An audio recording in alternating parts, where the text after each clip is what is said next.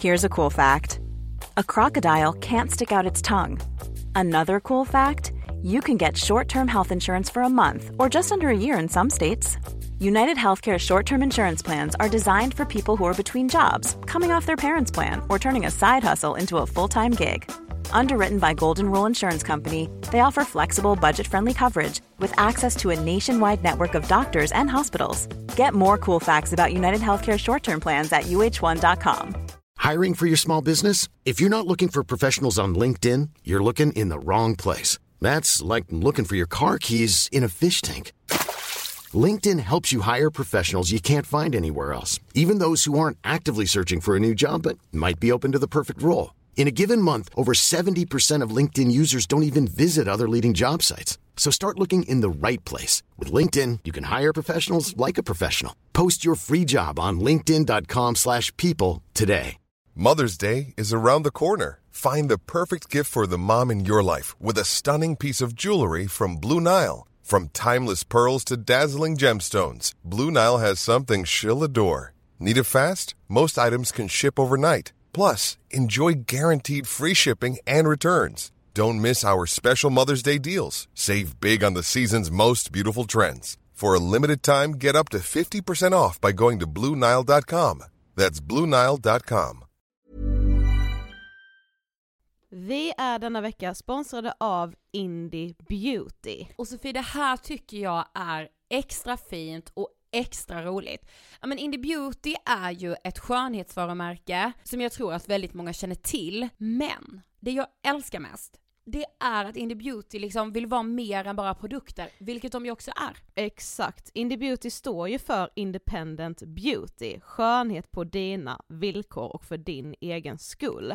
Och Indie Beauty tror ju stenhårt på ett alternativt skönhetsideal fritt från måsten, skam och känslor av otillräcklighet. Där är jag helt med Indie Beauty. Jag med. Det är så jag vill att skönhet ska vara. Ja men verkligen. Och vet du vad som är nytt för i år Sofie? Berätta. Från och med i år så skänker Indie Beauty 1% av sin försäljning till Suicide Zero, Tjejzonen och Djurens Rätt. Så när man handlar produkter från Indie Beauty så kan man liksom känna att man också ger tillbaka till samhället. Ja, kraften i tillsammans. Ska jag säga en sak nu då, mm. som jag, det, men det är detta jag är extra glad över. Nu har Indie Beauty tagit fram en keps och den tycker jag ändå så på sommaren, skydda sig från solen. Jättebra, jag älskar kepsen. Men det bästa, de bidrar till Suicide Zeros viktiga arbete för att minska antalet självmord och självmordsförsök. Så för varje såld keps så går hela vinsten, 100 kronor, direkt till Suicide Zero. Då kan man liksom göra nytta både för samhället och sin hud på en och samma gång. Ja, och kepsen kostar 169 men alltså hela vinsten går då som sagt till Suicide Zero. Mm. Så om man vill göra skillnad när man är där ute i solen, nu när den börjar titta fram, då ska man välja den här kepsen. Den säljs exklusivt på indiebeauty.se och på Apotea. Tillsammans kan vi skapa en ljusare framtid. Vi ses med kepsarna på! Tack Indie Beauty! Vi är sponsrade av Mindler och som ni säkert vet sedan tidigare så är vi ju ute på psykologresan tillsammans. Men hur vet man egentligen när det är dags att söka hjälp? Ibland uppstår saker i livet som kommer utmana oss och kännas tufft. Det mesta självläker vi oss igenom, för vi är menade att ta oss igenom en viss mängd påfrestningar. Men ibland behöver man professionell hjälp för att ta sig ur jobbiga perioder i livet. Men vart går då gränsen? Vad är en del av livets skavighet och när är det läge att söka hjälp? Det sägs till exempel att stress är farligt, men att också kan vara bra. Alla sover dåligt ibland, så när har man egentligen sömnproblem? Ångesten kommer väl krypande för de flesta någon gång. Så när ska man se ångesten som outhärdlig? Hur vet jag? Med oss som psykolog har vi såklart min gamla psykolog Linnea Seidbrant. Men Linnea, vad är egentligen utmattningssyndrom? Utmattningssyndrom är en konsekvens av svår och långvarig stress utan möjlighet till återhämtning. Mm. Vi är ju då skapta för att klara av stress, men vi behöver också återhämtning. Om du utsätts för för mycket stress under en lång period utan att du får till den nödvändiga återhämtningen så kommer kroppen till slut att säga ifrån. Och det är faktiskt så att alla har en gräns. Du kan drabbas av en rad fysiska eller psykiska besvär som trötthet, sömnproblem, hjärtklappning, besvär från magen och tarmarna och mycket annat. Och det här är ju då varningssignaler och tecken på att du kan behöva göra någonting åt din situation. Annars så kan besvären utvecklas till att du mår så dåligt på sikt att du blir psykiskt och fysiskt utmattad. Ladda ner Mindler till din telefon och läs mer på mindler.se.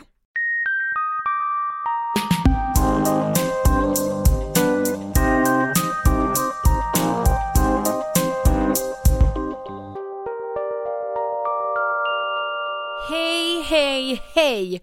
Avsnitt 329 av Ångestpodden har landat. Det har det! Sannerligen! Yes. Jag är på ett strålande humör. Ja, jag med. Jag är det för, bara på grund av att jag är ytlig. För jag satt i löshår. Ja. Och du vet så här, det är så ytligt, jag mår så bra. Det, ja och det är ju också, vi har ju varit mycket i den här diskussionen på sistone, alltså just den här ytlighetsdiskussionen, Mm. vad liksom, vad gör man för sig själv, vad man gör man för liksom patriarkala strukturer och vad gör man för att man tror att man ska bli lycklig Ja. och alltså hela den, det kommer ju komma också ett helt avsnitt om det här. Ja och nu kände jag i så fall, om det här är patriarkatet, då känner jag att jag omfamnade det. Ja, när jag satt då är man gärna en slav under det liksom. Och det är också hemskt, men idag, jag mår kanon. Alltså Ja. verkligen, verkligen. Ja, och så här då, om- ja, embracea det då, njut. Du vet aldrig hur länge det varar. Nej men verkligen, alltså. Nej. För detta har lite med att göra också, alltså på en sak som jag har tänkt på jättemycket, Aha. som jag tror att vi kommer komma in på typ i andra avsnitt, Mm. när vi ska prata fin och ful ångest och lalala och sådär. Men du vet så här, man blir så jävla dumförklarad om man gillar lyx. Mm. Alltså om man gillar lyxiga saker. Det är lite fult. Man blir så dumförklarad. Mm. Nej men ja fult, men man blir också så här, din blåsta idiot. Ja. Ja, Alltså, det är ju fel. ja det är så fel att göra det. Mm. Och det är ju skitsynd för mig då såklart eftersom jag älskar allt som är lyxigt. Mm. Alltså, skulle, alltså jag är så, alltså svep in mig i Chanel helst. Mm. Eh, och det, jag tror folk föraktar mig lite för det. eller man bara såhär nej vad synd att du är sån typ. Ja, är det så du känner att? Ja, men det är Ja. också för att kvinnliga, ja men vissa så kvinnliga attribut eller saker som anses vara feminint, det är, det, man hatar det så lätt. Mm, om det är dyrt ja, om det, är, Mm. no- alltså, så här, det, om det är någonting som man verkligen lägger mycket pengar på Ja, eller, liksom, eller också gå upp i väldigt mycket. Ja, eller saker som tar tid. ja Va? precis. Så du sminkar dig så länge? Ja. Man bara, ja, men om jag inte sminkar mig så skulle du tycka jag var ful. Nej men Mm, förstår du att så här, jag är så, alltså jag, jag är liksom, jag tänker ständigt på det kvinnliga, det feminina och hur allt sånt aldrig bejakas utan att det bara ska liksom ses på med avsky, det ska ses på som att det är något dumt, du, är, du gör fel. Mm. ja men problemet är väl att man, man blir ju aldrig uppmuntrad Alltså rakt på sak, att såhär gud vad kul att du tycker det är så kul att sminka dig och hålla på med det så Mm. länge Men det ligger ju en low key uppmuntran i att man borde göra det ändå som Exakt. kvinna hela tiden Men det ska inte ta så lång tid bara. Nej, man ska väl vara bara naturligt Ja skitsnygg då på något sätt Du får väl bara slänga på något på fem minuter. Ja, precis Alltså och det är också kan jag tycka att så här, vet du vad det kostar med typ fiske? Mycket, jag det vet kostar så mycket pengar. Ja. Alltså tror Och du, golf golf, men tror du någon säger till de här männen att så här, vad har lagt på det spöet? Vad har lagt på det spöet? Fast, jo, fast vet du vad det skulle, jo det skulle man typ kunna göra men då är det typ lite så, ursäkta språket, en kukmätartävling. Verkligen. Ja. Och också att så, ja men alltså män får ju vara intresserade av lyx, Mm. alltså på ett helt annat sätt. För att det blir liksom makt för dem på Mm. något sätt. Men kvinnor som är intresserade av lyx är dumma i huvudet. Ja, Alltså nu, nu hårdrar jag ju det men alltså ni, ni fattar. Och jag är så här, fan vad synd för mig för jag älskar ju lyx. Mm. Jag, älskar, jag vill bo som Amanda och Alex Schulman. Nu vill jag ha deras liv. ja, Ja. ja, Och också kan jag tycka, nu ångar jag på, att det går så emot att så här, va men du bryr dig om sociala frågor. det tycker jag är det värsta. Jag med. Att när man bryr sig om eh, liksom en ganska svår fråga. Komplex, en, ja, ja. Och en fråga som liksom inte får så mycket eh, stöd ekonomiskt eller liksom, ja men en fråga som inte har tagits på allvar speciellt mycket om man jämför med vissa andra frågor, då borde man heller inte vara alltså det är som att det, och det är ju verkligen säkert bara en känsla som ligger i men det är som att man ska vilja att alla ens egna pengar ska gå till den frågan man bryr sig så mycket Mm. om. Du ska ju inte liksom lägga pengar på annat. Nej men också kan jag tycka att så här, vad, vadå är du intresserad av smink och att folk ska må bra psykiskt? Ja. Alltså, det är så, alltså boxen är ju liksom, den berömda lilla boxen är så liten så att det är så här, folk kan inte ha två tankar i huvudet samtidigt Nej, kring sådana saker. Men mycket är ju nog också säkert en känsla som ligger hos en själv, men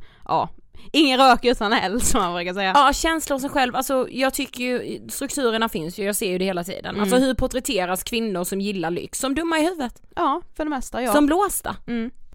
Vi är denna veckan sponsrade av Ellos. Ja, och på tal lite grann om det vi redan har varit inne på nu då, Ja. så har ju vi tillsammans med Ellos tagit fram en programpunkt i Ångestpodden som heter The F-word, där vi lyfter kvinnoskapet och när man som kvinna verkligen får känna av att man är en kvinna och inte blir behandlad på samma sätt som män. Ja, och det händer ju ganska ofta, tyvärr. Mm. Eh, vi bad ju er skicka in era erfarenheter, vad ni tänker på när ni hör the F-word, alltså the female word. Vi ska lyssna på en tjej, hon säger så här. När jag hör the F-word så tänker jag på relationsfrågorna. Att när man träffar släkt eller familj eller vänner också eh, så tar man sig friheten i att fråga Jaha, men dejtar du någon? Eh, och om man inte dejtar någon så tycker man synd om dem att Ja, men gumman, du kommer också hitta någon snart. Mm, ja, fast jag trivs jättebra som singel. Um, och säger man att man trivs bra som singel så verkar det som att man bara liksom har godkänt sitt öde att ingen vill vara tillsammans med en.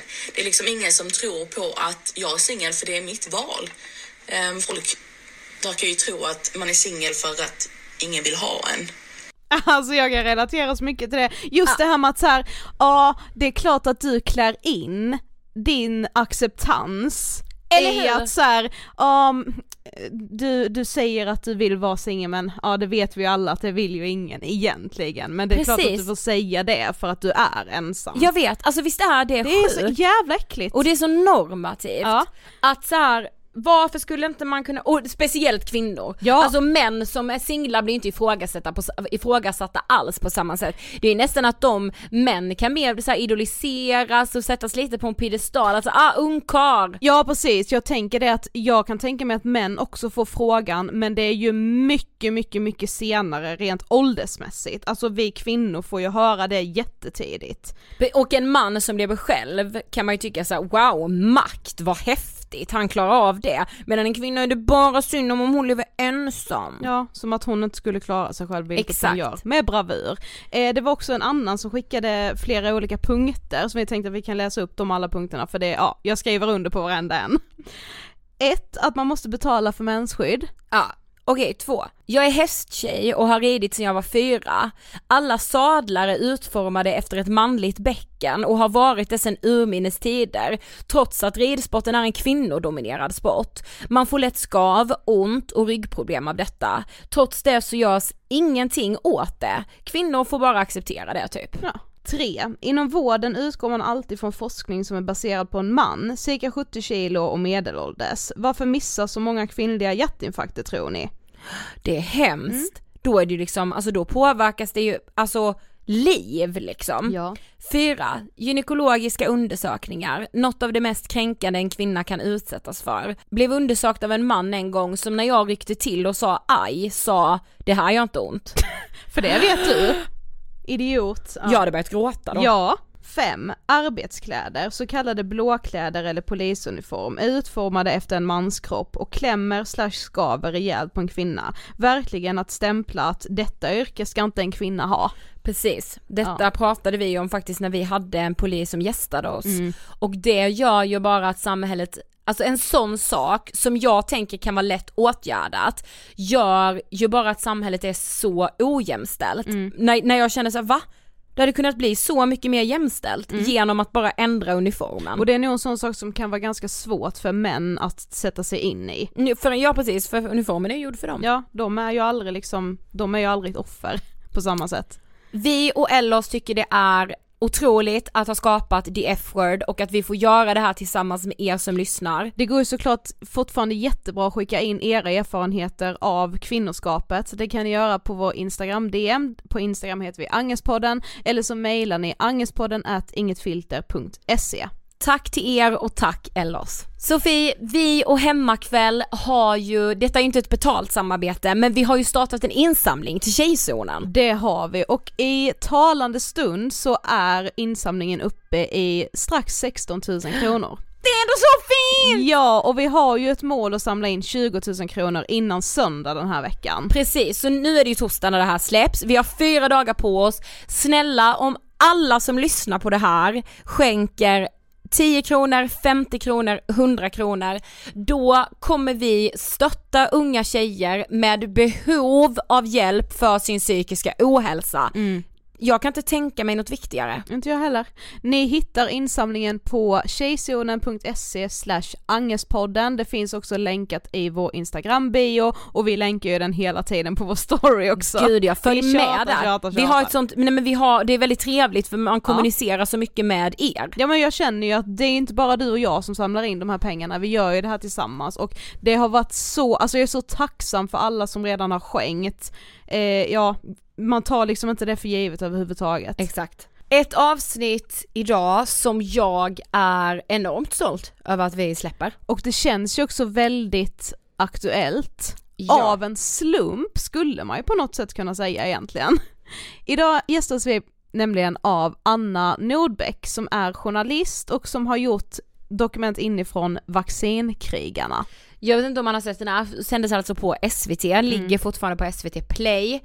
Eh, Vaccinkrigarna är en dokumentär som framförallt följer en tjej som heter Disa eh, och hon har en son som är fyra månader gammal och hon är osäker på om hon ska vaccinera honom. Alltså det här är, nu lät som att jag berättade fiktion, alltså det är det här dokumentären handlar om, de följer Disa. Ja, och Anna och hennes kollega Malin började ju göra den här dokumentären innan coronapandemin ens utbröt, så att dokumentären handlar ju främst om barnvaccinen. Ja, NPR-vaccinet, mässling, påssjuka och röda hund. Och jag menar som, som vi säger, vi lever mitt i coronapandemin men ändå är det som att den här antivaccinrörelsen påverkar föräldrar över hela världen.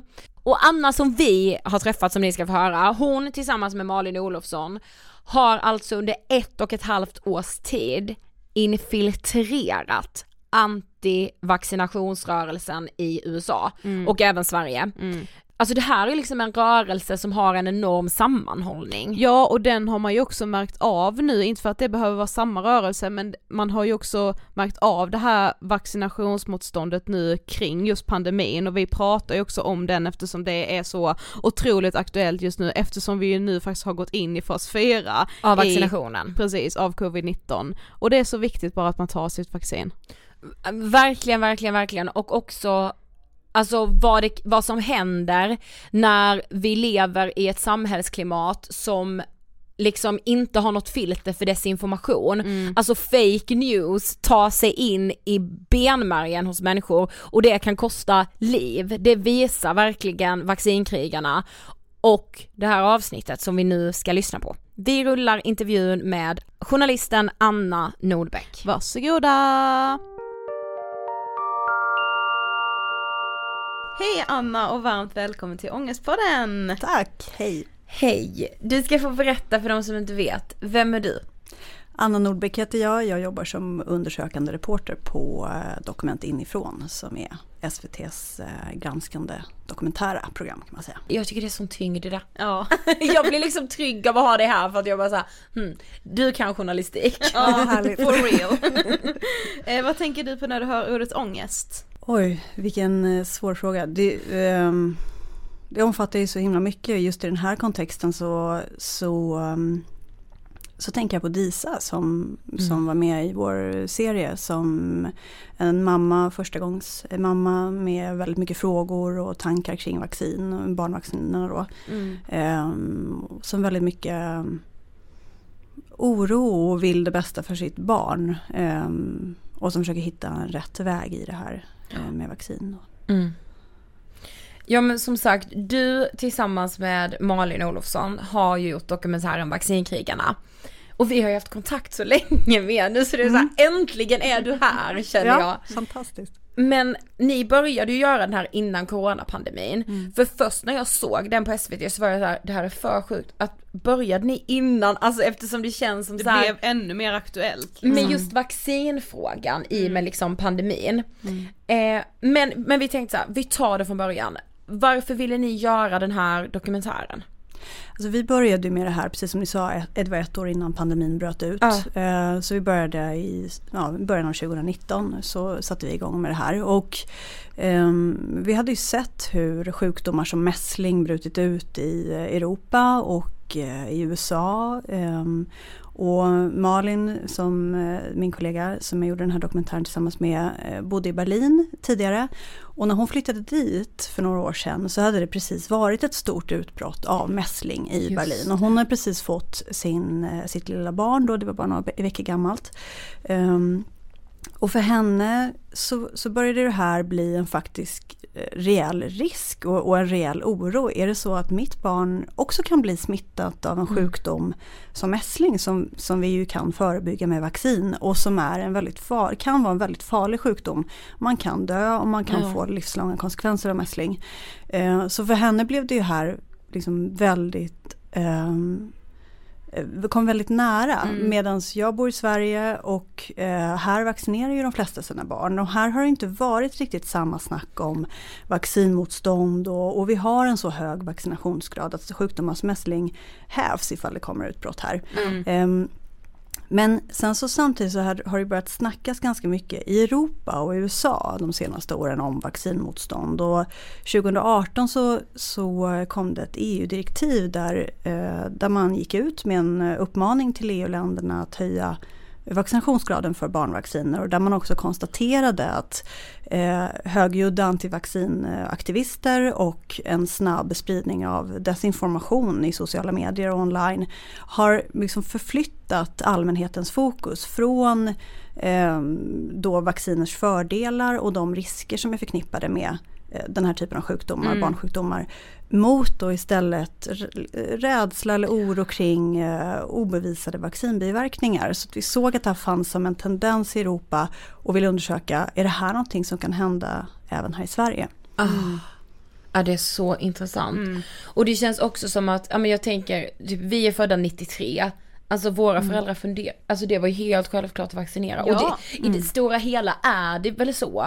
Men att det ändå växer fram, liksom, det, allt börjar ju någonstans. Eh, ja. Och vi har ju det som, det som vi också märkte var ju att Folkhälsomyndigheten har identifierat en grupp på ungefär 20% av svenska föräldrar som har oro eller mer eller mindre tveksamheter eller frågor eller funderingar kring vaccin.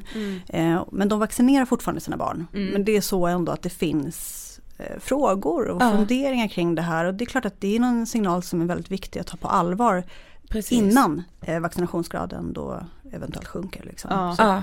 Men om man inte har sett vaccinkrigarna, vad skulle du säga att liksom dokumentären handlar om i det stora hela? Det är en granskning av vaccinmotståndet i Sverige och internationellt där vi är både i Sverige då men och, och också framförallt eh, i USA.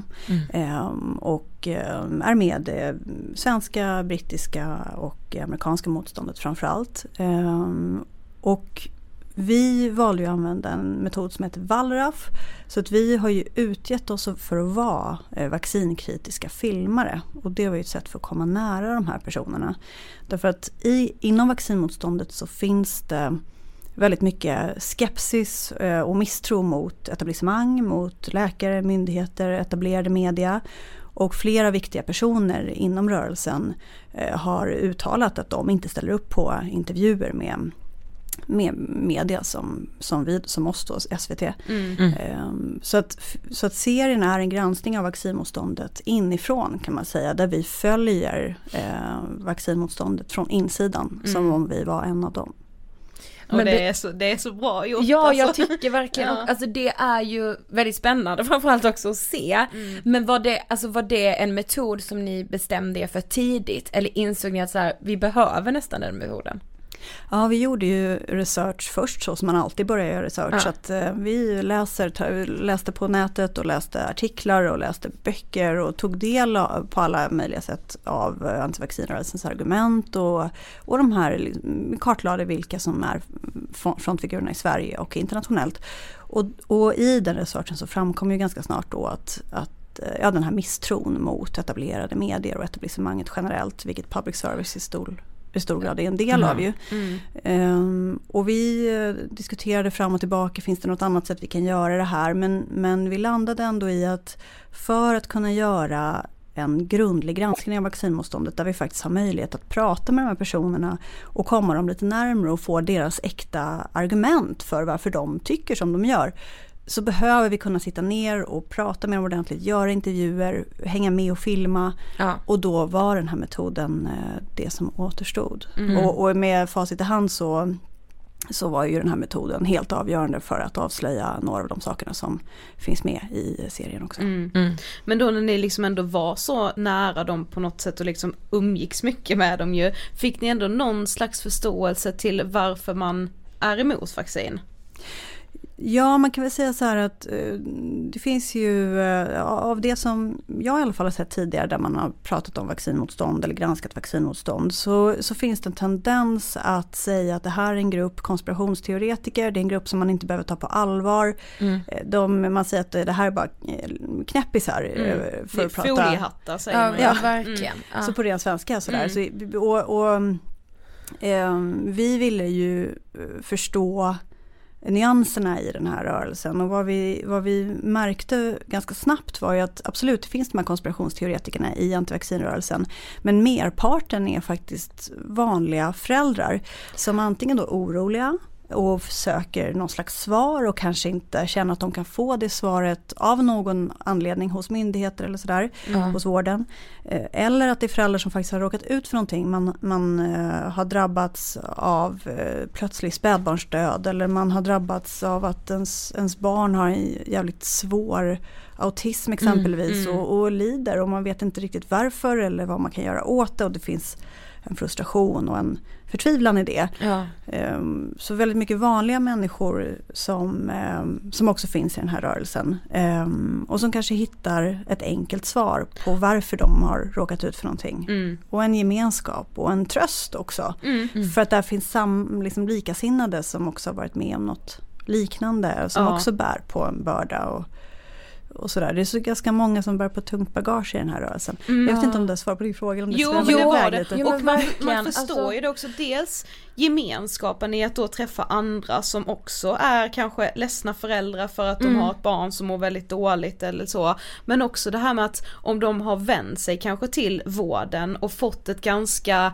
gråskaligt svar på varför det här har hänt just mitt barn. Mm. Att då vända sig någon annanstans och få ett svartvitt svar. Ja, alltså det är så mycket skönare. Så man, alltså, Såklart. Man förstår ju det någonstans även om det är liksom, ja det är ju tyvärr, det är väldigt mycket gråskala i livet. Men det vill man liksom inte riktigt köpa när man är, speciellt när man är ledsen. Mm. Nej verkligen och Ja. där är ju en av de här utmaningarna som finns för vården och jag menar f- forskning, seriös forskning är ju just gråskalor precis som du Ja säger. extremt. Eh, och, och, och, och till exempel en diagnos som späd, plötslig spädbarnsdöd är ju en diagnos som där, där vi vet inte vad den beror på. Det är liksom Exakt. hela diagnosen, det är det den går ut på. Mm. Och vad gäller autism som också är en sån här seglivad myt i relation till vaccin. ehm, så, så är ju autism en diagnos som dels har om, omhuldats av väldigt mycket mytbildning genom åren. Mm. Man, väldigt mycket okunskap och eh, väldigt mycket skuldbeläggande på föräldrar. Ja. Eh, och, och det är klart att eh, och, och, och vi kan inte, man kan fortfarande inte ge ett enkelt svar på varför alla Nej. får autism. Det vi vet idag är att det har med genetik att göra till allra största del. Mm. Men väldigt länge så, så har allmänhetens kunskap och, och läkares kunskap varit ganska dålig vad gäller autism. Ja. Och det är klart att om man har ett barn som har jättestora svårigheter, eh, vilket vissa med autism har, och sen har man ingen, finns det ingen förklaring i vården. Varf, varför är det så här? Varför Mm, har mitt precis. barn drabbats och vad kan jag göra? Att det inte finns heller en lösning på problem och sådär. Det är klart att man söker svar på dels hur man kan hjälpa sitt barn och dels på varför man har drabbats av det här. Mm. Så jag tycker det är väldigt, det, det, jag har verkligen väldigt stor förståelse för det. Men, och jag tror att där, där i ligger eh, utmaningen för myndigheter och för oss som journalister och andra att, att faktiskt kommunicera kring det här Mm. och att försöka att inte polarisera så mycket utan att försöka nå någon slags förståelse för de här personerna faktiskt och varifrån det kommer. Så. Ja. Ja men för jag tänker mig alltså den bilden av autism och så här, ja men lägga skuld på föräldrar, den är ju jätteutbredd i Europa, alltså fortfarande. Mm. Och det Eh, kommer nya rön så här hela tiden. Plötsligt är det så här, ja men sov lite mindre så mår du bättre. Ja, Eller ät det här verkligen. så mår du bättre. Alltså det kan komma vilken liksom trend som helst. Mm. I, när det handlar om typ en fråga där det är väldigt, väldigt gråskaligt. Eller där man faktiskt inte ens vet. Exakt. Fyller ju alla teorier en lucka på Mm. något sätt. Ja, och det är klart att man greppar efter halmstrån Ja, när man ja. står där helt rådlös. Vad ska jag göra Exakt. för att hjälpa mitt barn? Alltså det är ju det, Mm. det är klart att man, man eh, kan känna en desperation i det och att man också, om man då får ett svar, Mm. att man kan känna en väldigt trygghet och tröst i det. Mm. Eh, och, verkligen, och sen det är ju viktigt att säga i sammanhanget att gällande den här myten kring vaccin och autism så har det ju gjorts otroligt många studier eh, med väldigt, väldigt många barn. Precis. Och eh, det, det finns ingen eh, bevisad risk för att vaccinet skulle, NPR-vaccinet skulle orsaka eller förhöja risken för autism. Eller Nej. Nej. sådär. Nej men precis, för det är ju framförallt då NPR-vaccinet som, som den här rörelsen liksom är emot.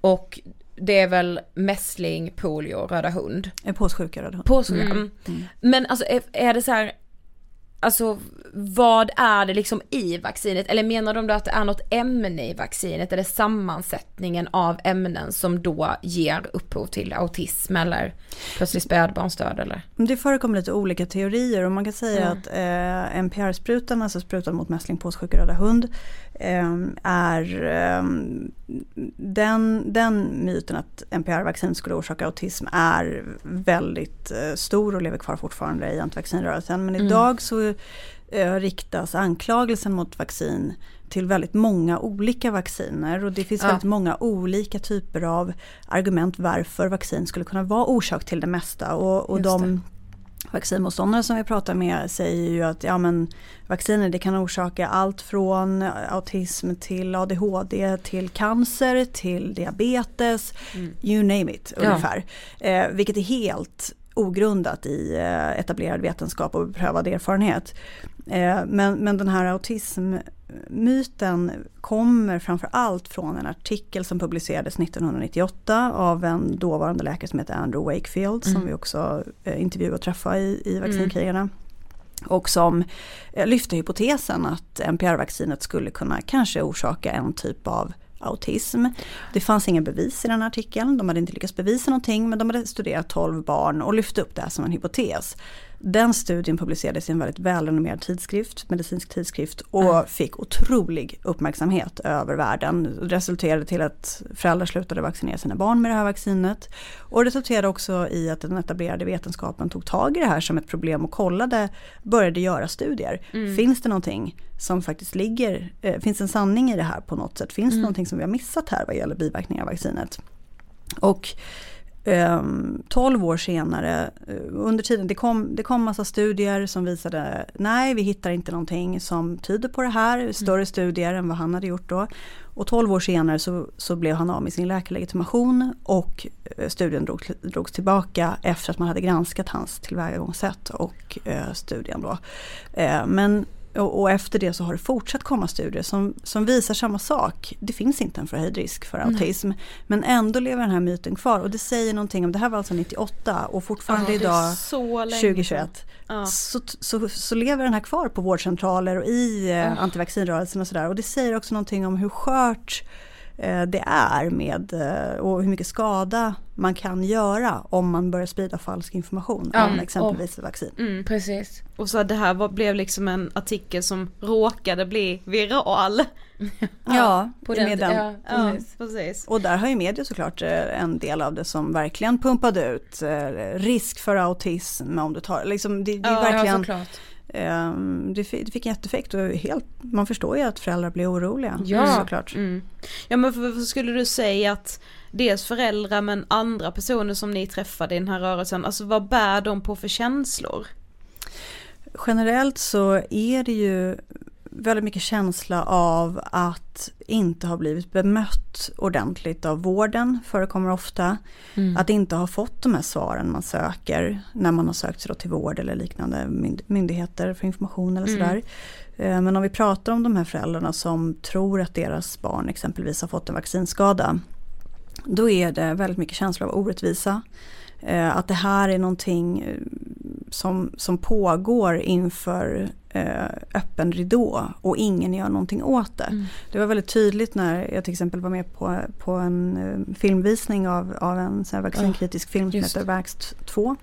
Eh, och, och, och, människor, och hela den filmen går ut på att eh, gå ut på intervjuer där eh, människor berättar om sig eller sina barn och en upplevd vaccinskada som de tycker att de har då. Mm. Eh, och, och, det finns ingen, eh, inga vetenskapliga bevis i princip för de här utan, utan det är berättelser.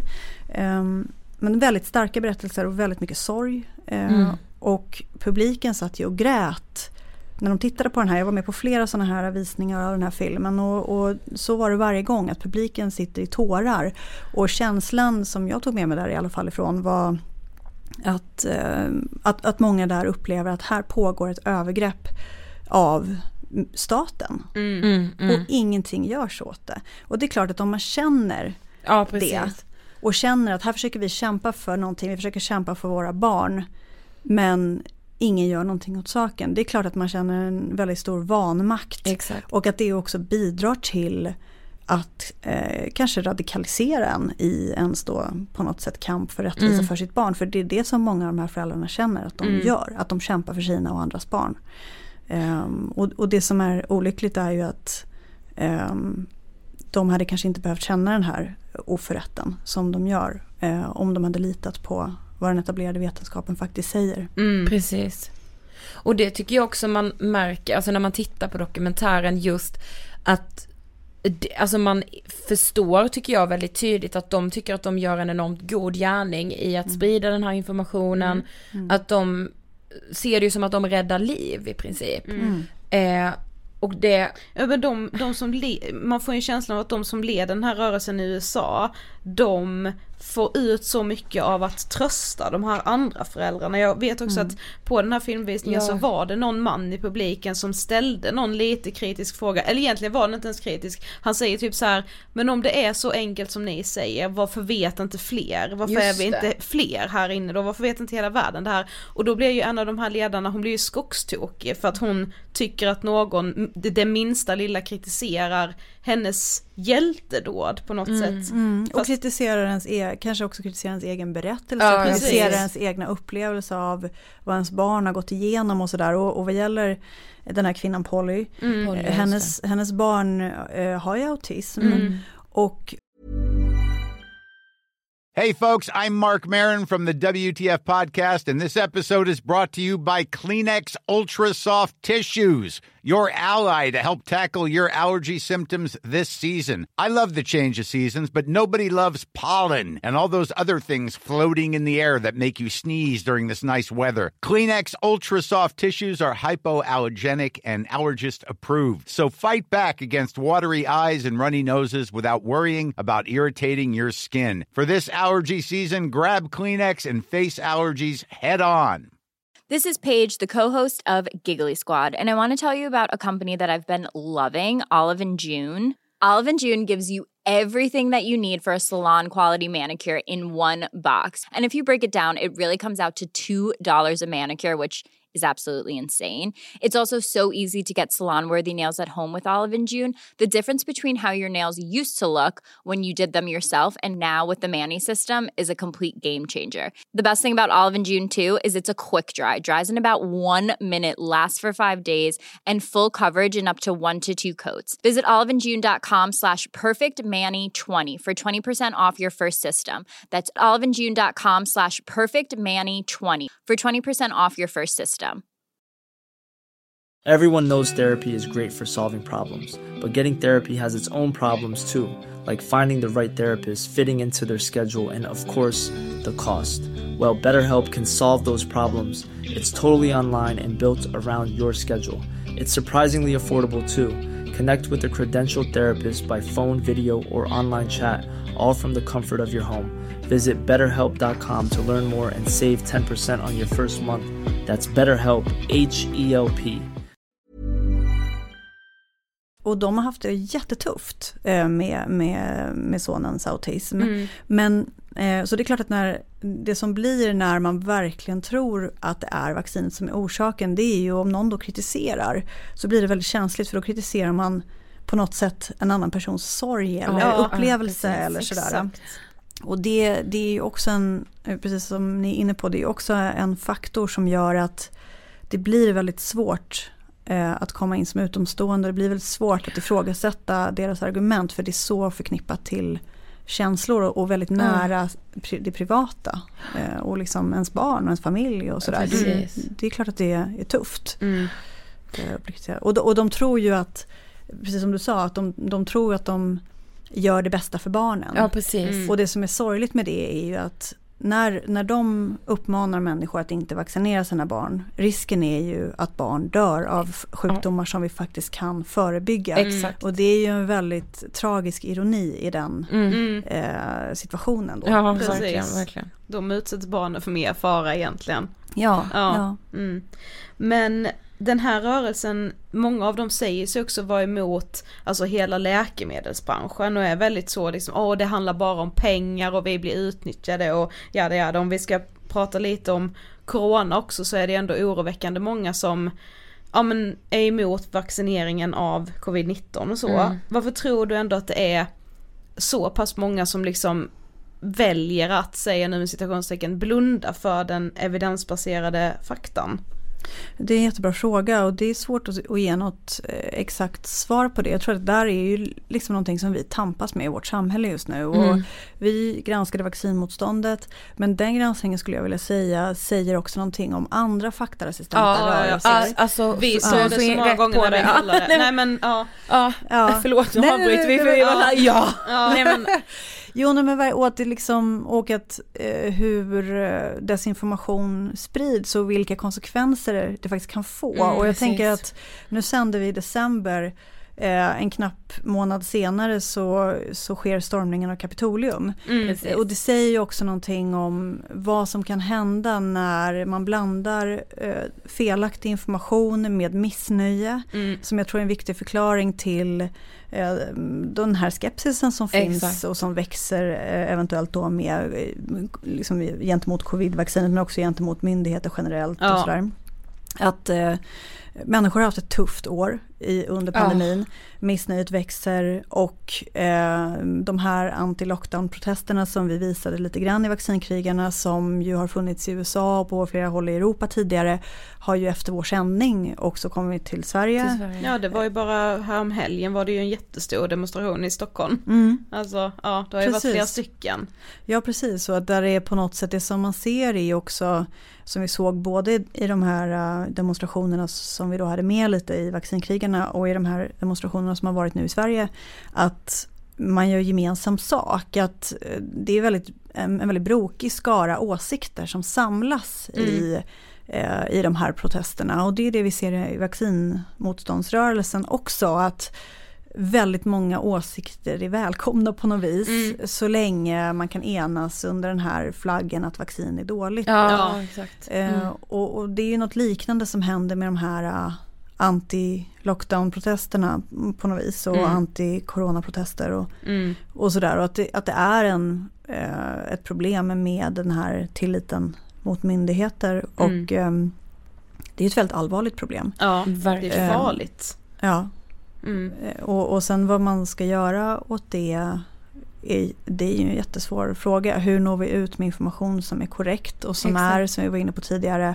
eh, har nyanser som inte är svartvit. Därför att svartvit information färdas väl också snabbare. Ja, det är lättare tyvärr. på sociala medier att Ja. sprida den typen av information. Mm. Ehm, men det tror jag är en stor utmaning ehm, Mm. för samhället Mm. faktiskt. Absolut. Men eh, i er dokumentär så träffar ni ju också en av de svenska eh, profiler, eller liksom förgrundsgestalterna inom den här rörelsen, Linda Karlström. Mm. Vad får ni för intryck av henne när ni träffar henne? Hon är ju en person som eh, bland annat har föreläsningar om vaccin och, och har haft det. Det finns, eh, finns att hitta på nätet och sådär. Mm. Ja, för jag googlade och bara så oj det finns så mycket om, Mm. om henne. Mm, hon, hon är ju en företrädare som har varit, hon säger ju själv att hon är ju den som, eh, som har stått för den här frågan länge i Norden och, Mm. och sådär. Ehm, och hon har ju en väldigt vetenskaplig framtoning på sina föreläsningar. Precis. Hon hänvisar till, hon har powerpoint eh, slides med sig och hon hänvisar till olika typer av statistik och forskning som ser eh, bra ut när man bara Ja. tittar på det hon berättar. Så hon låter väldigt trovärdig. Eh, men i själva verket så är väldigt många av hennes källor eh, hämtade från eh, vaccinmotstånds, eh, vaccinmotståndares material eller de är hämtade från väldigt tveksamma källor Mm. på olika sätt. Eh, och hon har ju själv gått igenom en, en process där hon upplevde att ehm, där hon då beskriver hur hon, vi beskriver det här lite i del 1 också i vaccinkrigarna, hur hon går igenom en förändring när hon upplever att vaccin är inte så säkert som jag har trott. Att hon får en sån, ett sånt uppvaknande, Mm, eller, eller som brukar de kalla det då. Eh, och eh, att, att hon också har under tid genom, genom åren har blivit eh, eventuellt mer och mer konspiratoriskt då. För hon beskriver, idag så beskriver hon ehm, att vaccin är en dörr som jag gärna vill glän- glänta på för de som jag pratar med. Men det finns också många andra dörrar ut ur den här åsiktskorridoren som är väldigt tajt enligt henne då. Mm. Eh, man kan öppna vaccindörren, man kan öppna 9-11 dörren, man kan öppna banksystemet dörren, man Mm. kan öppna förintelsedörren. Mm. Och det, så hon är ju någonstans idag så är det ju som att hon ifrågasätter i princip hela samhället. Ja. Eh, Hon ifrågasätter ju till och med omfattningen av förintelsen. Men det är väldigt omskakande när man ser det. Alltså när hon, för ni sitter på ett café eller på någon restaurang. Eh, när hon berättar det, för det, alltså man blir liksom, väl, jag blev omskakad i grunden Ja, när jag jag, när jag såg shit. det. Ja. Eh, Ja men och det är ju ehm, det, som, det är ju det som vi pratade om tidigare också att många av de här risken om man, om man går, börjar tro på en konspirationsteori är ju att man kan börja tro på massa andra. För att om man väl har kommit till en punkt där man känner att jag är lurad av samhället, Mm. saker och ting är inte som jag har lärt mig.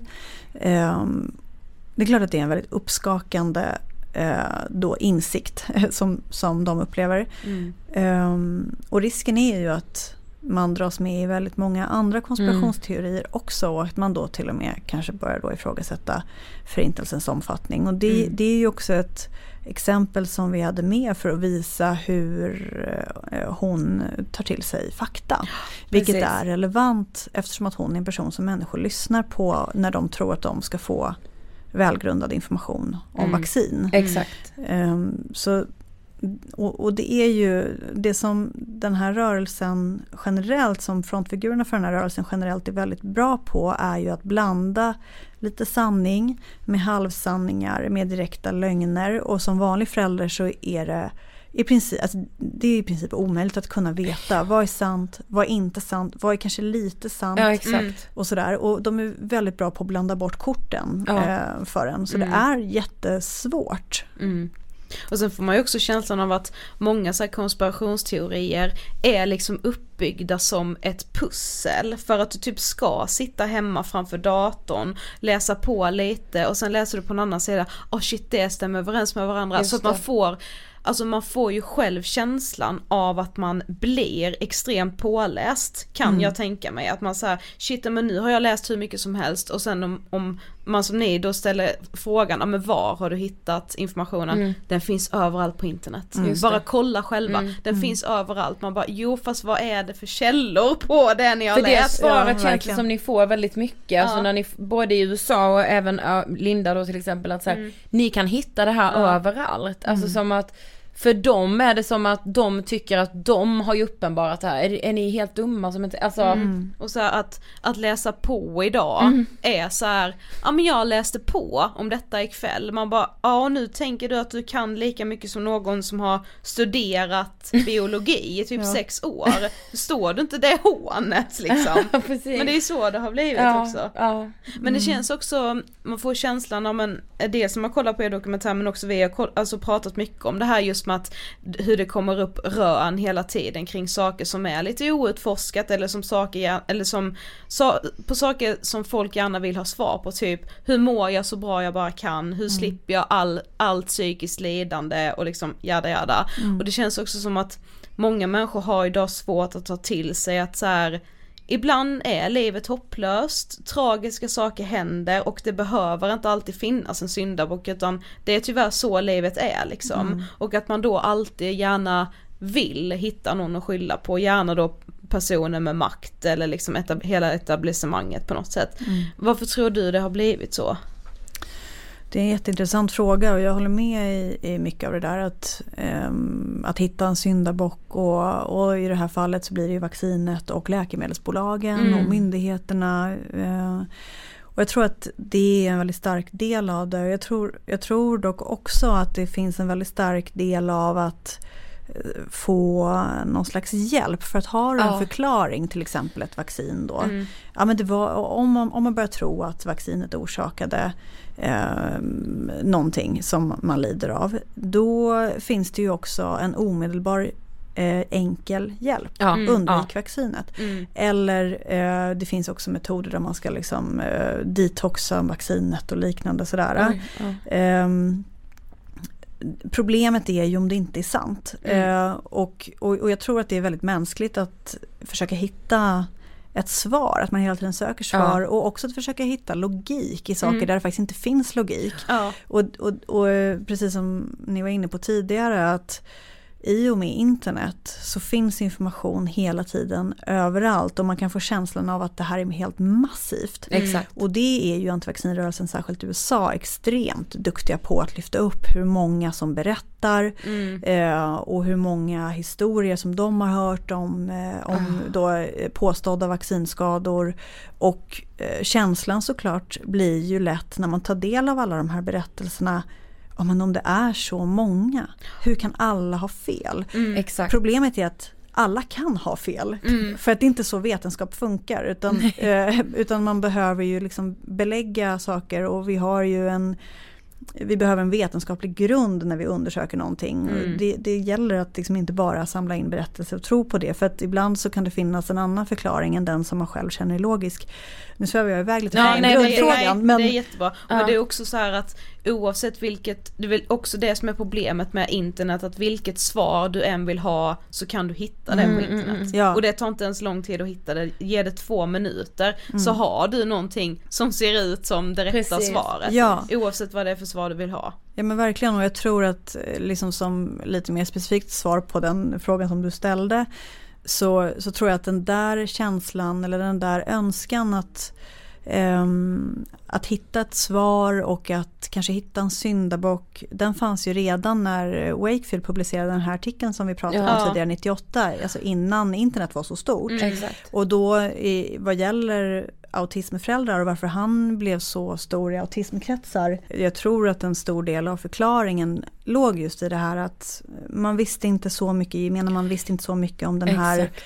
eh, diagnosen och man hade inte heller en, en behandlingsstrategi som funkade. Man, man kan inte, det finns inget bot och, och det finns eh, ingen behandling som alltid är effektiv utan Nej. under 90-talet så famlade man väldigt mycket kring eh, olika typer av eh, dieter och Mm, olika typer av behandlingar och tidigare än så så har det varit ganska fruktansvärda behandlingar som man har utsatt, utsatt autistiska barn och vuxna för.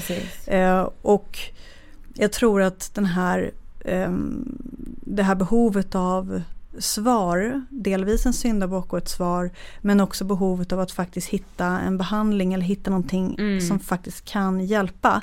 Det tror jag funnits där hela tiden, men i och med internet så är det lättare att sprida falsk information och det Ja. går snabbare och det når också över hela världen Ja. idag. Så att det här som tidigare kanske var lite mer eh, stängda kretsar har väl fått fritt spelrum på ett annat sätt Mm. skulle jag kunna tänka mig. Ja, Ja. scenen är deras liksom. Ja men, Ja. Nej, men det är så sant. Mm. Eh, men alltså också, alltså i dokumentären så får man också bilden av att så här, det finns en extrem misstro mot massmedia eller systemmedia kallar, kallar Linda det tror jag. Vad tänker du att så här, vad har media för ansvar i liksom den här debatt, är det liksom kring de här viktiga frågorna? Jag tror vi har eh, ett väldigt viktigt, en väldigt viktig roll att fylla genom att inte sprida eh, desinformation och att belysa desinformation.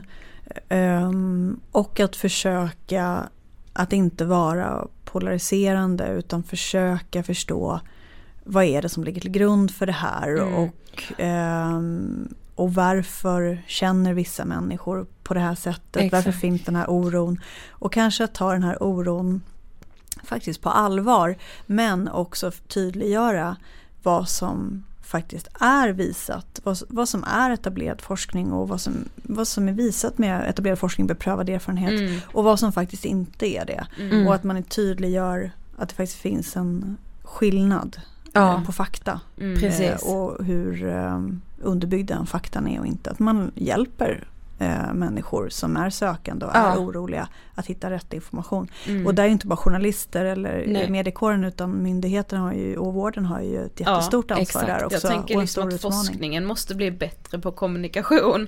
Det Mm. måste ju ut på ett bättre sätt. Jo men det är intressant för det finns ju en, eh, en forskare i USA som Peter Hotez som är eh, vaccinforskare och, men som också har ett barn med eh, en dotter med autism. Och har skrivit en bok om det här eh, och, och är eh, offentlig i debatten i USA. Och eh, han har just den här teorin att antivaccinrörelsen är så pass bra på att lyfta fram personliga berättelser och lyfta fram eh, det här mänskliga i, i berättelser. Känslor. Mm. Och eh, den här sorgen som finns hos många av de här människorna som tror sig ha blivit, liksom ha vaccinskada i sin familj eller liknande. Mm. Att forskare behöver kanske också vara, bli lite bättre på det där att vara personlig eller att lyfta fram egna personliga berättelser och sådär. Det tror han väldigt mycket på. Det är därför han bland annat har skrivit den här boken om sin egna erfarenhet och varför han vet att hans dotter Rachel inte fick eh, att, autismen inte var orsakad av vaccinet. Ja. Eh, men, och det är en intressant fråga. Att vi, vi kanske har kommit dit att vi behöver ehm, lyfta fram personliga berättelser även från forskare. Men Ja. Det är klart att det där är inte det där är inte helt självklart Nej. hur Nej. man ska göra för att det är fortfarande, man måste ju förstås man måste kombinera det med en trovärdighet Exakt. ehm, och korrekthet. Ja, exakt. Ja men för ni, både du och Malin har ju fått eh, en del kritik också efter att ni släppte dokumentären. Vad, var, Mm. vad har det varit för kritik? Framförallt så har det varit kritik från vaccinmotståndet Mm. eh, och att eh, de, eftersom att vi går ifrån, vi utgår ifrån etablerad vetenskap och beprövad erfarenhet eh, när vi faktakollar och liknande. Och eh, kritik om att, att den är osaklig eller felaktig då för att vi säger att vaccin har räddat liv och liknande. Ehm, och, eh, och sen så har vi också från vaccinmotstånd fått kritik om metoden. Mm. Ehm, och från, eh, från vissa annat, andra har vi också fått lite kritik om metoden. Men generellt så, så har de flesta förstått att det var nödvändigt att använda wallraff i det här fallet. Det är ju en etablerad journalistisk metod men som man inte ska använda när som helst utan man ska eh, ha, det ska vara motiverat att använda den här metoden. Ja. Och man ska ha på fötterna när man går in i en sån här, det, det är en metod som är väldigt tidskrävande och svår och jobbig eh, personligen. Så att man, det, det är ju, det är ingenting som man vill gå in i eh, hipp som happ som Nej. journalist heller. Såklart. Eh, men, eh, men, men det är det som har framkommit sådär. Men, men framför allt så har det faktiskt varit väldigt mycket, förutom från vaccinmotståndet så har det varit väldigt mycket respons kring att eh, människor har förstått den här rörelsen på ett annat sätt och Ja. förstått människorna i rörelsen på ett annat sätt och Mm. fått en annan bild av drivkrafter och Mm. motiv, inte bara hos dem som eh, kanske tror på flera olika konspirationsteorier utan också på dem, eh, vad gäller de som utgör den stora massan i den här rörelsen, det vill säga de här vanliga föräldrarna Ja, som men pratar mycket om. Precis. Ja det håller jag med om, det fick jag också, alltså Mm. på ett annat sätt. Mm. Eh, men vi, alltså vi har diskuterat så himla mycket också kring att så här, ja men för vi läste någon som hade skrivit att så här, men alla har rätt till sin åsikt, alltså man får vara Mm. emot vaccin om, Mm. om det är ens åsikt och hänvisa alltså till yttrandefrihet och, och så. Men alltså vad tänker du kring så här, vad går gränsen mellan åsikt och att sprida liksom desinformation, missvisande, farlig information. Alltså för det tycker vi är så svårt.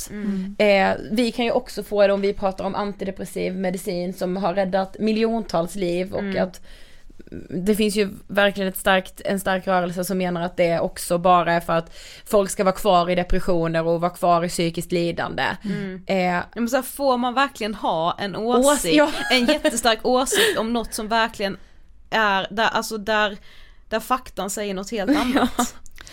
Alltså jag tror att det är väl eh, svårt att börja förbjuda folk att ha åsikter. Ja, ja.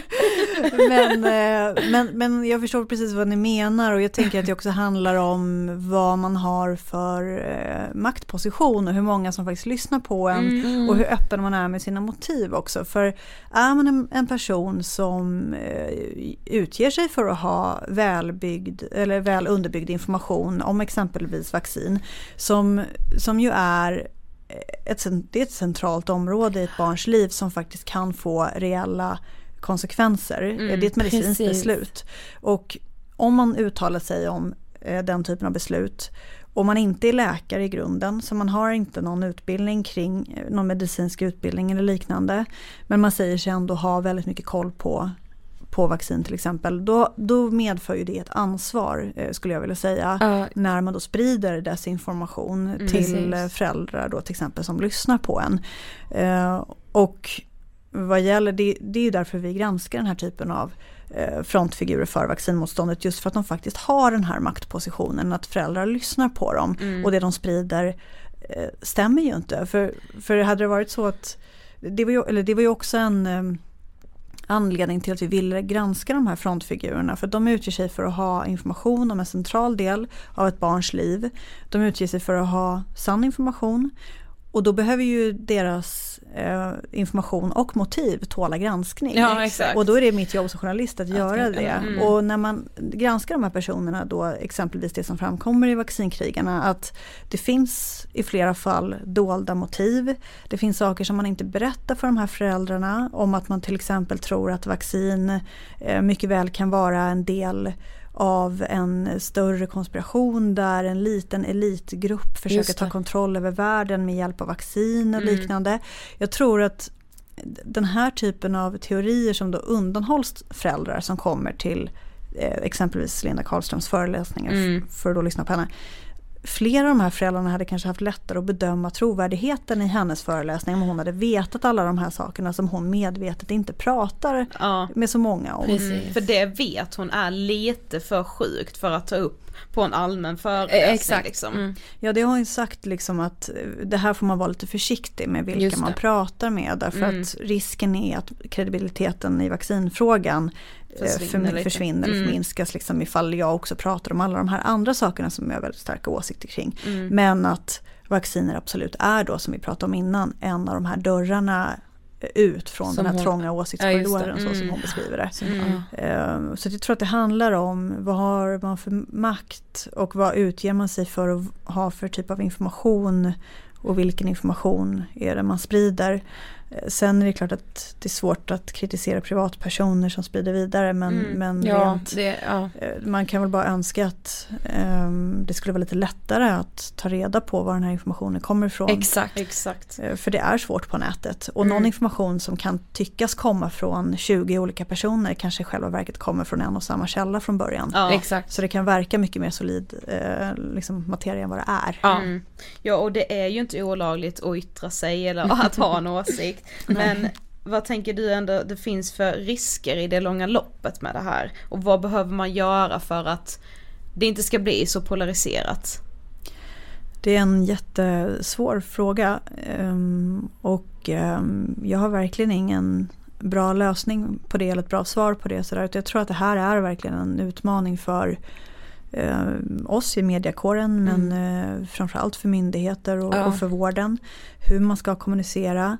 Ehm, jag tror att det också har skett lite av ett skifte från som ni sa in i, i början här att eh, när, när ni var barn så tänkte inte era föräldrar ens på Nej, det. exakt. Nej. Eh, idag så kan man komma åt information på ett annat sätt och jag tänker att det också föräldrar letar efter olika typer av information kring eh, ens barns eh, liv. Man Ja, så- letar efter liksom plastfria leksaker Mm. eller eh, nappar eller solkräm som inte innehåller vissa Ja, tillsatser det. och ekologiska kläder och det är mat och sådär och sen slinker vaccin med där på något sätt i Ja. den här allmänna researchen som man gör inför sitt barn. Mm. Men problemet med om man låter barnet äta ekologisk mat eller inte eller om man vaccinerar eller inte är ju att det är extremt mycket större konsekvenser om man inte vaccinerar sitt Vaccinera. barn. Ja, precis. Så att det, blir lite tokigt Mm. där och jag tror att det där, är, där ligger utmaningen. Jag tror att det är viktigt för myndigheter och för vården att lyssna på föräldrar, lyssna på deras oro men bemöta med kunskap. Men Mm. Det är inte en lätt Nej, uppgift. uppgift. Nej. Nej, absolut inte. Men jag tänker också som i Sverige, alltså på så här skydd, eh, skyddade titlar. Eh, Vi har ju ändå inte så många skyddade titlar. Alltså, Nej. vad har vi? Läkare, eh, psykolog, psykoterapeut. Jurist. Nej, det är inte skyddat. Advokat. Ja, advokat. Advokat, Mm. ja just det. Och det, alltså för det har vi märkt är ett enormt problem, alltså inte minst inom när det kommer till att behandla psykiskt sjuka patienter, att det kan i princip vem som helst göra. Mm. Och det är ju också farligt. Alltså det har man ju sett en, många exempel på. Mm. Man kan utge sig för att vara beteendevetare och dela in liksom folk i färger och sen så är det hela företagsorganisationer som använder sig av det. Mm. Alltså det, det tror jag, alltså om man tänker så här på ännu högre nivå, liksom riksdag, regering, att man faktiskt borde, och där har, alltså det kanske hade kunnat vara ett sätt, alltså för det är så, det blir så farligt. Att ja men jag utför den här behandlingen och så tänker man, gemene man att behandling, ja vad bra, då kan jag bli behandlad. Fast av vem liksom? Ja, ja, man kan prata hur länge som helst. Men nu har vi kommit till sista frågan. Och den är bara generellt i ditt liv. Vad inspirerar dig? Oj, vilken eh, byte av eh, fokus i min hjärna nu Vi, vi, som vi skedde. slutar alltid med den till våra gäster.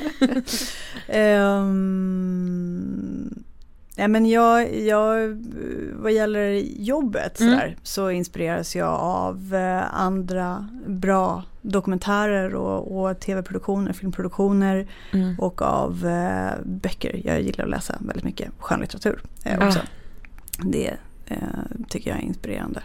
Eh, Men också att träffa människor, alltså nu som när, när vi pratar och har det här samtalet så sätts ju det igång en massa tankar Ja. kring eh, eh, liksom, eh, saker som man kanske kan titta på i framtiden eller liknande. Så är det ju ofta de här, vad gäller just jobbet så är det ju ofta de här samtalen som ger väldigt, väldigt mycket och att det är ju väldigt mycket en stor del av vår och min metod att förstå Mm. eh, samhället på något vis. Så det är faktiskt också någonting som inspirerar mycket och som, som jag tror är nyckeln till att eh, göra lite mer nyanserade eh, produktioner Mm. som, Ja.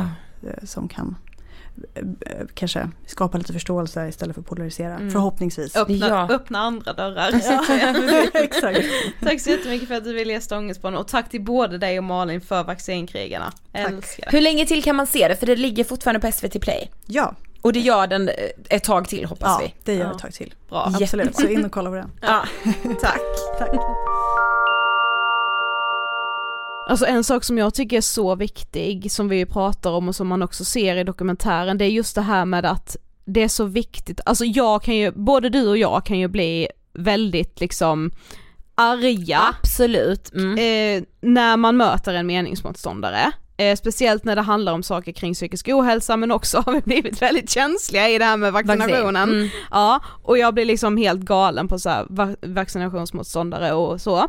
Men det är så jäkla viktigt att det inte blir två läger, att man, alltså man måste försöka förstå varandra på något sätt. Ja, och För att, att annars blir vi, kommer aldrig, det kommer vara så farligt om det ska bli så polariserat att det är det ena eller det andra. Men det tycker jag faktiskt att det gör dokumentären Vaccinkrigarna ett enormt jobb i. Mm. För jag fick ju verkligen en bild av föräldrarna eh, från liksom amerikanska rörelsen som enormt svikna av samhället, de Mm. kände sig inte sedda och hörda, Mm. de kände sig liksom, ja men de kände ett enormt svek. Och jag, då förstår jag att man letar syndabock. Jag Ja. är helt liksom, alltså jag förstår verkligen det Mm. och att, men, men det, samtidigt är det så svårt för så här, så tänker man jo jo men man måste ju kunna bemöta dem med fakta och vetenskap. Nej, det går ju inte. Nej men man vet ju också själv hur lätt det är att liksom gripa efter varenda halmstrå när man är desperat,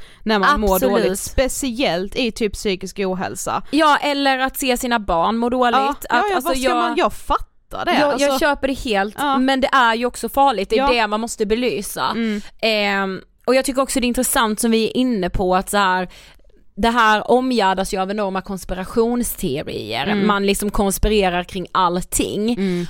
Och att jag tycker det är intressant att så här, tror man väl på en konspirationsteori, vi, vi drar den här metaforen om att det öppnas olika dörrar Mm. säger ju Linda Karlström, den svenska eh, förgrundsgestalten. Mm. Så tycker hon då att det öppnas dörrar till bland annat då förintelsen och 9-11 och så hmm, har det hänt? Alltså jag menar, man konspirerar plötsligt kring allt i hela samhället, Mm. vilket jag tycker är intressant och såklart illavarslande. Alltså jag vet inte vilket ord jag ska använda men så här, det är ju livsfarligt. Ja, men bara så här, det, det är diskussionerna som behövs istället för att man på något sätt bara avfärdar alla som inte tycker som en själv genom att kalla dem typ foliehattar liksom. Alltså det gör ingen nytta. Sen Nej. alltså ja, jag har gjort samma sak. Ja, ja man, alltså det ser, det tycker jag verkligen man ser nu när man ser bilderna från demonstrationen, det skulle ju Mm. kunna vara jag som går där. Mm. Det är inte som att de här människorna ser ut på ett speciellt Nej, nej, sätt, nej. att de är helt hoola baloo. Alltså Nej, så nej. är det ju verkligen inte. Ja. Det är ju vanliga människor som går på gatorna och tror att det här vaccinet ska mörda oss allihop. Mm. Och varför de gör det, det kan man ju då diskutera. Men vi måste ju få bukt med alltså Ja. det går ju inte, ska vi helt plötsligt sluta vaccinera våra barn? Nej, nej. Vaccinet som är det bästa vi har Mm. liksom. Verkligen. Tack så jättemycket Anna för att du ville gästa Ångestpodden och tack till både dig och Malin som har gjort Vaccinkrigarna. Och som sagt så finns Vaccinkrigarna att se på SVT Play. Jag rekommenderar er varmt att göra det. Varmt, varmt, Ja, varmt. för man kan liksom applicera det på väldigt mycket nu kring coronapandemin också. Precis. Ja, Det var allt. yes. Skänk till vår insamling för Tjejzonen, för unga tjejers psykiska hälsa. Ni hittar insamlingen på tjejzonen.se slash angestpodden. Nästa vecka är det klassiken. Det är det. Det är sommar. Nu börjar det nalkas! Ja, och ångesten är ju påtaglig. Ja det är den, fy fan. Jag kunde inte ens sova i natt. Men det, mer om det nästa ja, vecka. absolut. Okej, Hej då! hej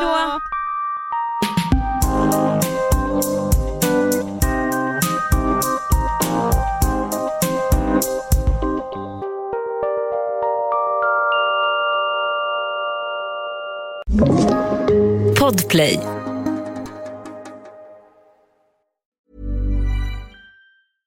Imagine the softest sheets you've ever felt. Now imagine them getting even softer over time. That's what you'll feel with Bowl and Branch's organic cotton sheets. In a recent customer survey, 96% replied that Bowl and Branch sheets get softer with every wash. Start getting your best night's sleep in these sheets that get softer and softer for years to come. Try their sheets with a 30-night guarantee. Plus, get 15% off your first order at bowlandbranch.com. Code BUTTERY. Exclusions apply. See site for details. Hey, it's Paige DeSorbo from Giggly Squad. High quality fashion without the price tag. Say hello to Quince. I'm snagging high-end essentials like cozy cashmere sweaters, sleek leather jackets, fine jewelry, and so much more. With Quince being 50 to 80% less than similar brands. And they partner with factories that prioritize safe, ethical, and responsible manufacturing. I love that. Luxury quality within reach. Go to quince.com slash style to get free shipping and 365 day returns on your next order. Quince.com slash style. Imagine the softest sheets you've ever felt. Now imagine them getting even softer over time. That's what you'll feel with Bowl and Branch's organic cotton sheets. In a recent customer survey, 96% replied that Bowl and Branch sheets get softer with every wash. Start getting your best night's sleep in these sheets that get softer and softer for years to come. Try their sheets with a 30-night guarantee. Plus, get 15% off your first order at bowlandbranch.com. Code BUTTERY. Exclusions apply. See site for details.